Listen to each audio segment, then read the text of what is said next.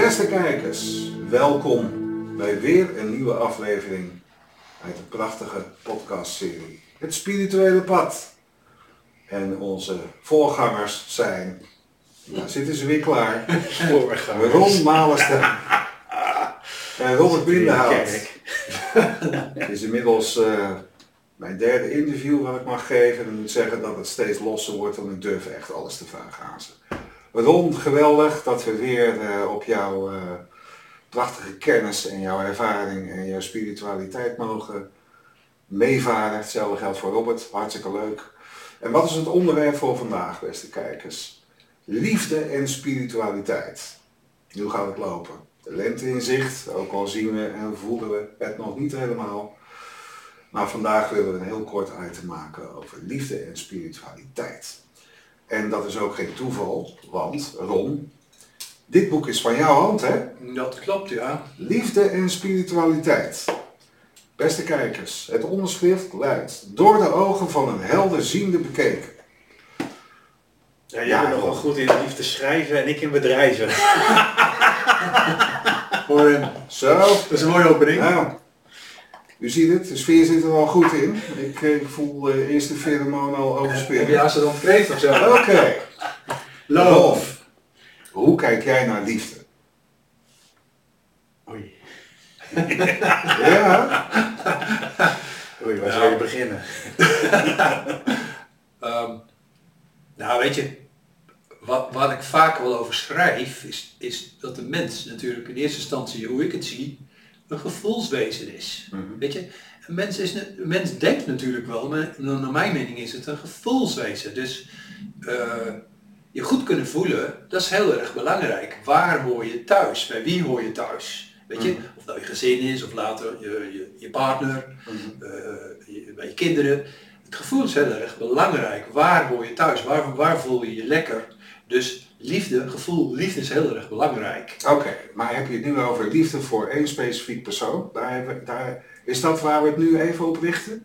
Nou, wat mij betreft, nee. Op liefde, medemens? Liefde, liefde, voor liefde is ook universeel. Liefde voor jezelf, liefde voor je, voor je maatje, weet je, uh partner, mhm. kinderen, voor iedereen. Liefde is gewoon heel erg belangrijk. Mhm. En dat gevoel, dat is wat ik een beetje bedoel, uh, je gevoel, de liefde, moet je kunnen uiten. Moet je kunnen verbleven, kunnen voelen, maar moet je ook kunnen uiten en kunnen delen.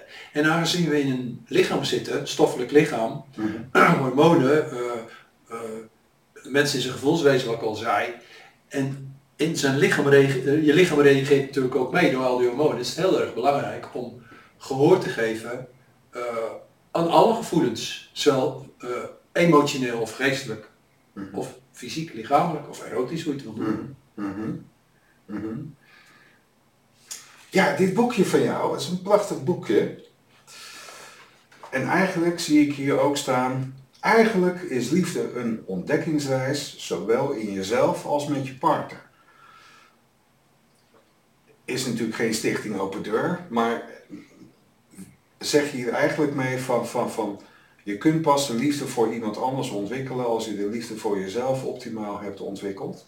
Ik denk het wel. Ik denk het wel. Kun je daar iets over, over vertellen? Kijk, een mens moet natuurlijk wel durven te luisteren naar zijn gevoelens. Naar mm. gevoelens van liefde. Mm. Uh, dat serieus te nemen. Uh, en dan vervolgens wat hij beleeft en voelt, dat hij dat ook op een beschaafde manier weet te uiten. Maar als je nog wel heel, heel egoïstisch bent, of mhm. narcistisch, of gewoon, mhm. laten we zeggen, gewoon bot van karakter, ga je dat natuurlijk niet op een fijne manier uit naar een ander. Dus in die zin is het wel een ontdekkingsreis. Je moet sleutelen aan je gevoel, aan jezelf in de liefde. En hoe verder je groeit in gevoel en liefde, zou je dat ook op een fijnere manier naar buiten brengen naar je partner of naar je kinderen of naar wie dan ook. Juist. Hoe zie jij dat, Robert? Nou, ik vind het wel leuk wat Ron zegt. En ik, heb, ik zit er natuurlijk de afgelopen minuut een beetje over na te denken ik heb er ook enorm veel over nagedacht. Want ja, liefde is natuurlijk ontzettend belangrijk. Mm. Dat is ook een woord wat we niet kunnen, vaak niet kunnen plaatsen. Maar bij mij valt liefde in het rijtje van de drie L'en. Ik zal je vertellen wat de drie L'en zijn voor mij. Nou, daar komen we aan, beste kijkers. de, de drie L'en zijn voor mij een beetje leidend in het leven. Het is eigenlijk uh, de L van leren. Mm. Wat jij noemt het groeien. Hè? Maar ik vind dat je in het leven, wij zijn Uh, eigenlijk het doel van het leven is om te leren. Mhm. En dan de tweede L om lief te hebben. Mhm. En de derde L is ook om los te laten. En dan zit je een, met een enorme tegenstelling. Hè? Dus Ja. tussen liefhebben en loslaten. Mhm. Eh, maar dat zijn eigenlijk voor mij eh, de drie elementen in het leven waar het constant om gaat. Je moet leren, hè? van alles leren, hè? dus naar school. Eh, je moet leren eh, naar je eigen gevoel te luisteren, leren piano spelen, noem het maar, maar op. Eh, liefde hebben. Is, ja, maar dat is zo'n een groot, on- abstract begrip waar je zoveel onder kan plaatsen. en Waar Mhm. heel veel geluk, heel veel, heel veel eh, ongeluk in zit. En er zit een, een stukje loslaten in, dat eigenlijk ook in het hele leven weer terugkomt. Hè? Liefdes loslaten, maar ook het loslaten van het leven uiteindelijk, waar we het in de vorige podcast over hadden. Dus ja, voor mij is dat een van de drie L'en. Ja. Ja. Oké, ja, ik zit daar eh, eigenlijk direct over na te denken over je antwoord, hè, terwijl je bezig was. Is het zo, hoe ervaren jullie dat, begrip liefde, dat heel veel mensen in plaats van dat ze loslaten, want eigenlijk is de ultieme liefde die je iemand anders kunt geven, is die ander loslaten, hoe gek dat misschien klinkt. Terwijl je heel veel mensen ziet die van, hé, hey, ik hou toch van je, dus ik zet je eigenlijk in een ijzeren koor. Ja, er zijn een hele boek over eh, volgeschreven, ook, ook, over spirituele relaties en dat soort zaken. Ja. Hè? Dus er zijn natuurlijk We gaan niet pretenderen dat allemaal eventjes... eh, Nee, dat kunnen we hier niet nee, oplossen, denk precies. ik. Maar Ron, zie jij mensen in jouw praktijk inderdaad die, die, die eigenlijk in de basis valkuilen van die liefde stappen? Ja, zeer zeker. Weet je, ik denk dat het ook te maken Kijk, liefde, liefde is liefde, gevoel is gevoel, eh, fysieke aantrekkelijkheid, ero- erotische aantrekkelijkheid is erotische aantrekkelijkheid. Mhm. Maar liefde, liefde moet geen eh, iemand vastzetten zijn of beheren of vastklemmen of wat dan ook. Juist Liefde, loslaten. juist loslaten. Liefde is op een hoger niveau Mhm. eh, je, je, eh, je gevoelens kunnen uiten natuurlijk Ja, je, gevo- je eigen gevoelens kunnen respecteren, maar eigenlijk gelijk, gelijk, gelijktijdig parallel dat ook een ander gunnen. Dat een ander ook gewoon zijn eigen keuzes mag, mag maken en zijn eigen gevoel kan volgen. En als je dat doet, hè, eh, die stappen zet, je verder daarin ontwikkelt Mhm. en je leert eh, jezelf, dus ook elkaar, om dan ook beter te communiceren over de liefde of wat dan ook, krijg je een steeds verdieptere contact, relatie of, of huwelijk. ja. Ron, even een vraagje over, over jouw mooie boekje. Hoeveel reacties heb je hier van mensen op gekregen? Heeft het, heeft het heel veel eh, eh, ogen geopend van deze? Van, Ja, van- best, ik heb best al bij aanvang, eh, want het boekje heb ik al een aantal jaar geleden geschreven, Mhm. heb ik best wel leuke reacties gehad. Want ze zeiden van, oké, we merken gewoon dat jij praat of schrijft zoals je praat. Gewoon lekker direct, eenvoudig, simpel, gewoon vanuit het hart. Niet zozeer academisch, maar vanuit het hart. Maar dat is ook waarom je podcast zo aanslaat, hè? Ik Omdat denk het wel, ja. heel normaal Ja. Nederlands is. Zo ben ik, Eh, maar ik ben daar wel van bewust. Precies. Weet je? Maar ze, ze zeggen ook van de onderwerpen die soms best wel pittig kunnen zijn, Mhm. in dit geval dan liefde en spiritualiteit, leg je gewoon heel natuurlijk en relaxed, gewoon dood eenvoudig uit. Dat iedereen die, die, die maar belangstelling heeft en dat wil, kan dat gewoon snappen. Precies. Dus eigenlijk zeg je, voor die mensen die eerst de liefde voor zichzelf moeten ontwikkelen, laat ze hier eh, ook eens mee beginnen. Ja, en dan met knipoog liefde en spiritualiteit. Ja, precies. Precies. Ja, precies. Dus met andere woorden, als ik nog even iets erover kan zeggen, toevoegen, is van, ja, liefde is liefde.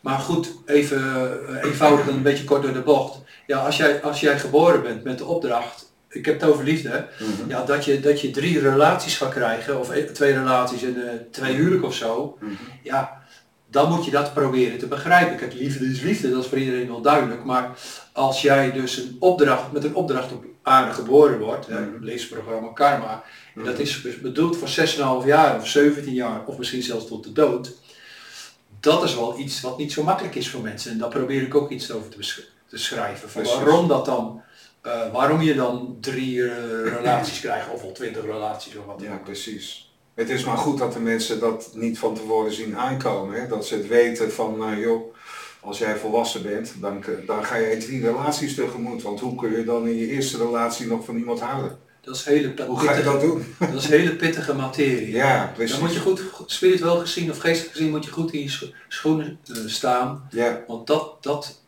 dat heb ik ook echt wel moeten leren. Mhm.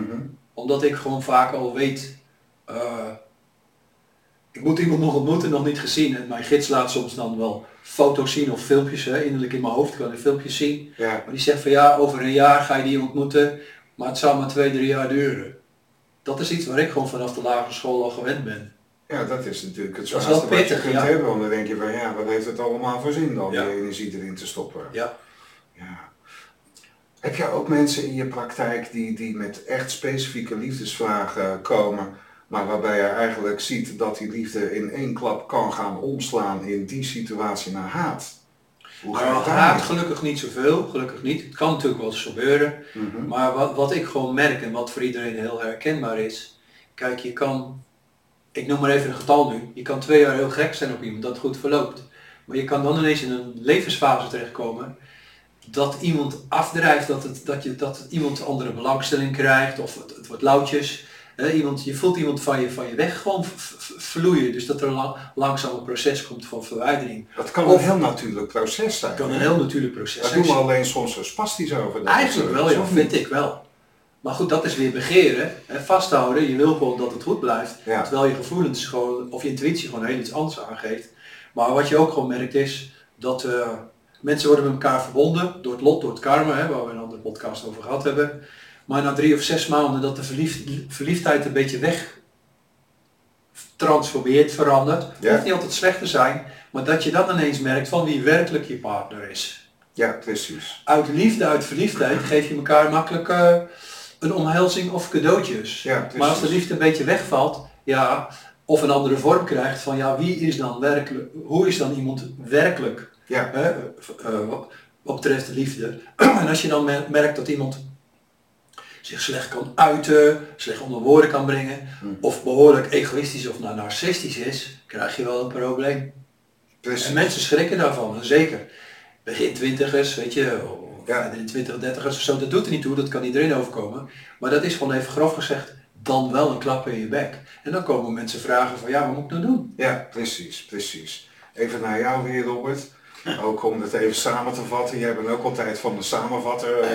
Ja. Een hele goede samenvatter. Ja. Ehm Ron, dankjewel voor, je- voor, je- voor je heldere uitleg.